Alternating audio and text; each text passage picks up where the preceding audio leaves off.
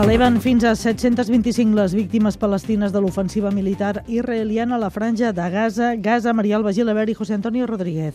Matí relativament tranquil a Gaza, tot i que continuen els bombardejos israelians a l'est de la franja, on han fet eh, set morts, el ritme ha baixat considerablement.